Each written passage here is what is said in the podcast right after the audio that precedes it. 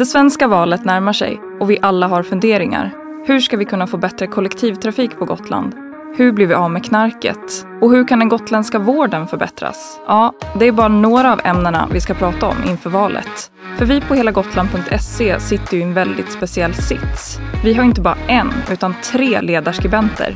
Därför tar vi hjälp av dem för att bena ut några av de viktigaste valfrågorna för gotlänningarna. Välkommen till podcasten Rakt på sak med Mats Linder, Eva Bofride och Erik Fransson.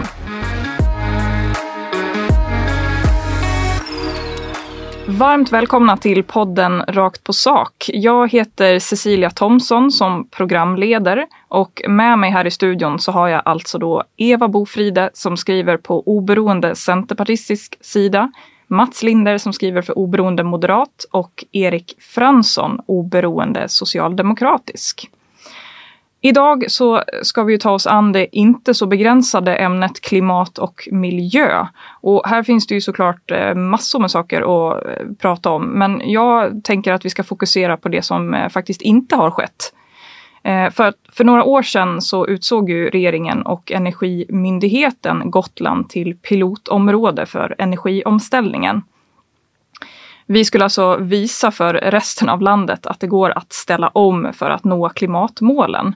Men eh, vad jag vet så har det ju inte hänt så jättemycket på det här eh, området än. Varför tror du att det är så, Eva, om vi börjar med dig? Det är nog en undring som du delar med många tror jag. Ja. Eh, man hörde ju mycket, det var ju mycket stojok omkring det här när det, och mycket förväntningar som, blev, som höjdes. Eh, och det här var ju väldigt positivt. Sen har det som sagt varit väldigt tyst. Och om det beror på att ingenting har hänt eller om att man bara är dålig på att tala om vad som hänt, det kan jag faktiskt inte svara på. Men någonting som har varit uppe är ju att det här är ju, alltså om vi ska gå före hela landet så kräver det ju insatser som förmodligen kostar pengar och det har ju inte följt med så mycket pengar i den här eh, utnämningen så vitt jag har förstått det. Men som sagt, eh, det, det kanske har hänt något som man inte har talat om. Så kan det ju vara, absolut. Men jag har också förstått att pengafrågan är liksom eh, den springande punkten här lite grann. Jag tror det också. Ja. Erik, vad säger du då? Vad, vad kan och, och vad bör Gotland göra för att eh, försöka minska vårt eh, klimatavtryck? Finns det någonting som vi liksom bör bli bättre på eh, här och nu, tänker du? Alltså det finns ju mycket vi skulle kunna göra eh, genom att bara kunna gå före. Den här energipiloten är ju en bra grej som, som där Gotland liksom blev utsedd till det här. Och där skulle regionerna kunna varit lite mer på tårna och, och faktiskt ha, ha börjat satt sig själv i, i väntan på att, att andra pengar dyker upp. Man skulle kunna tagit kontakt med företagare och andra intresserade runt omkring och varit lite mer offensiv där. Ehm, det finns mycket annat som vi skulle kunna vara offensiva i också på liknande sätt i och med att Gotland är så bra för att vara en, en teststation eller ett testlen för, för just det här på grund av vår avgränsning. Vad säger du Mats, borde Region Gotland varit lite mer offensiv? Om man ska ta det här med att Gotland ska vara självförsörjande på el så är jag inte säker på att det egentligen är speciellt relevant. Ehm, jag tycker det är viktigare att man har en god förbindelse med kabel till fastlandet och en tryggare energiförsörjning på ön. Ehm, det tycker jag egentligen är det viktigaste. Och ehm, sen är det viktigt att man i södra Sverige får en energiproduktion som klarar av att um, försörja liksom alla kunder med el till ett vettigt pris. Och så är det ju uppenbarligen inte idag. Erik, håller du med? Nej, jag, jag håller inte riktigt med om att det, det räcker med att vi säkrar, säkrar eltillförseln hit, utan, utan vi måste ju också bli eh, självberoende. Eh, och då, då, är det ju de här satsningarna som måste göras så att, så att de här försöken kan komma igång och, och ny teknik kanske kan, kan uppfinnas här på Gotland.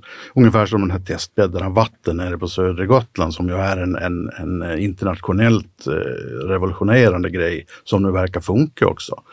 Eh, så, att, så att där finns det mycket. Vi har eh, ett, en eh, företagare nere på södra Gotland, på Gangvide, som håller på att forska lite i vätgas.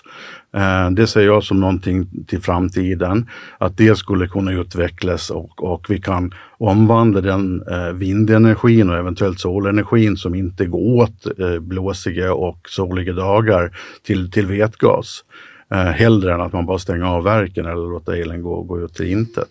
Jag håller också med om att vi skulle kunna göra mycket mer eh, regionalt här utan att någon annan behöver peka på det. Men det är ju två olika diskussioner lite. Att om staten pekar ut Gotland som pilot i landet för att gå vidare och för att andra ska lära oss så tycker jag nog att det hör till att man också ger förutsättningar för det och inte bara att vi ska göra allting själv, det kan vi ju som sagt göra ändå, det vi har eh, möjligheter till inom vårt område. Lite svårt att vara pilot om man inte har plan om man säger så.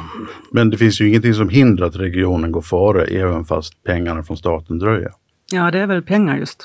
Ja, men regionen har ju rätt så bra pengar också och det här behöver inte kosta så jäkla mycket. Okej, okay. nej då vet du mer än vad jag vet. Ja, men en annan fråga som såklart är jätteviktig för oss gotlänningar handlar ju om kommunikationerna eh, till och från ön. Ehm, och pratar man om kommunikationer och klimatet så finns det en hel del eh, förslag. Mats, vad tänker du på det här området? Vad behöver man göra? Jag tycker det är väldigt viktigt att det finns en bastrafik i färjetrafiken som motsvarar de krav vi har nu. Däremot kan jag tänka mig där vi, så att säga, att man ska kunna erbjuda fler alternativ för de resande, gärna med konkurrerande färjebolag eh, som kan erbjuda ett större antal resor tvärs över ön och kanske bättre priser och så vidare. Det tycker jag skulle vara trevligt. På vilket sätt eh, gynnar det klimatet, tänker du? Eh, inte direkt. Det är, det är bränslet, när man byter bränsle som kan gynna klimatet. Vad tänker du Eva? Eh, jag tänker att här är ju ett exempel eh, för både sjötrafiken och flygtrafiken där man har fattat grejen, liksom att man måste ställa om själv och inte vänta på att det blir någon som pekar med hela handen att nu får ni eh, byta bränsle, utan man ser ju det här som en överlevnadsfråga både för, för färjor och flyg och här ligger ju Gotland väldigt långt fram, vilket är positivt och roligt tycker jag. Eh, sen tar ju allt tid, det är ju som med allting, det tar ju tid. Men att köra långsammare för att spara eh, bränsle och därmed minska utsläppen är ju en god tanke. Problemet är att det, gör man det så, så behöver man ju ändra hela konceptet. Liksom. Man behöver ta in fler båtar och det, det är så mycket annat som, som eh, följer med. Så att frågan är ju vad det ger i minskade utsläpp i slutändan. Vad tror du Erik?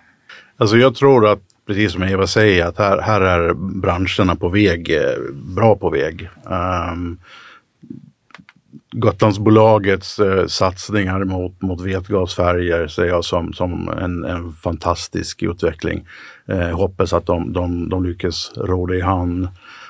Um, flyget, elektrifieringen av flyget är också en, en klok variant eh, som, som än bara är på teststadiet. Men det, det finns ju faktiskt flyg idag som fungerar, även fast de är små. Eh, när, när det gäller färgerna och, och eh, färjetrafiken så eh, tycker jag att det ska finnas en, en ordentlig och bra bastrafik, precis, precis som den vi har nu. Men, men jag tycker det är konstigt att man inte erbjuder så, så kallade gröna avgångar. Det framkom en hel del kritik mot att de snabba färgerna vi har idag släpper ut en hel del eh, växthusgaser. Eh, och då skulle det vara bra ifall, ifall det kunde finnas alternativ i form av ja, exempelvis nattfärger där man också kan sova under, under tiden man åker över. Så då blir liksom resorna på ett helt annat sätt och, och, det behöver liksom inte kosta någonting. Men bastrafiken ska vara fortsatt som, som vi tycker att den är idag eller som den är idag och som, som även i framtiden. Gröna eh, avgångar, är det något som eh, Mats eller Eva tycker vore en eh, bra idé? Så, som ett komplement absolut, men som jag sa förut så, så påverkar det ju eh, allt, om det ska ske inom Destination Gotland och Gotlandsbolagets eh, mandat så kräver det ju dels helt nya båtar som har hytter, någonting vi har gått ifrån. Och eh, som, det påverkar som turtäthet och till kapacitet om man ser på hela trafiken så att det är inte helt lätt. nu är ju personalkostnader till exempel en, en, en, förvånande stor andel av kostnaderna för att driva färjetrafiken. Ehm, så jag är inte säker på att det skulle bli så oerhört billigt som man kanske föreställer sig. En eh, avslutande fråga har jag till er på det här ämnet också med ett eh, förslag från Liberalerna som kom här lite tidigare. Minikärnkraft på Gotland, ja eller nej? Tjoho, hejsan hoppsan. Nej, det är nej. Nej. Erik? Nej. Eh, kanske inte just på Gotland men absolut sådana här SMR-reaktorer tror jag vore bra. Så tycker alltså våra tre ledarskribenter här på helagotland.se. Vi fortsätter ju med Valpodden rakt på sak fram till valet, så gå gärna in och lyssna och avsnitten finns också i efterhand och de hittar du på helagotland.se under fliken poddar och program.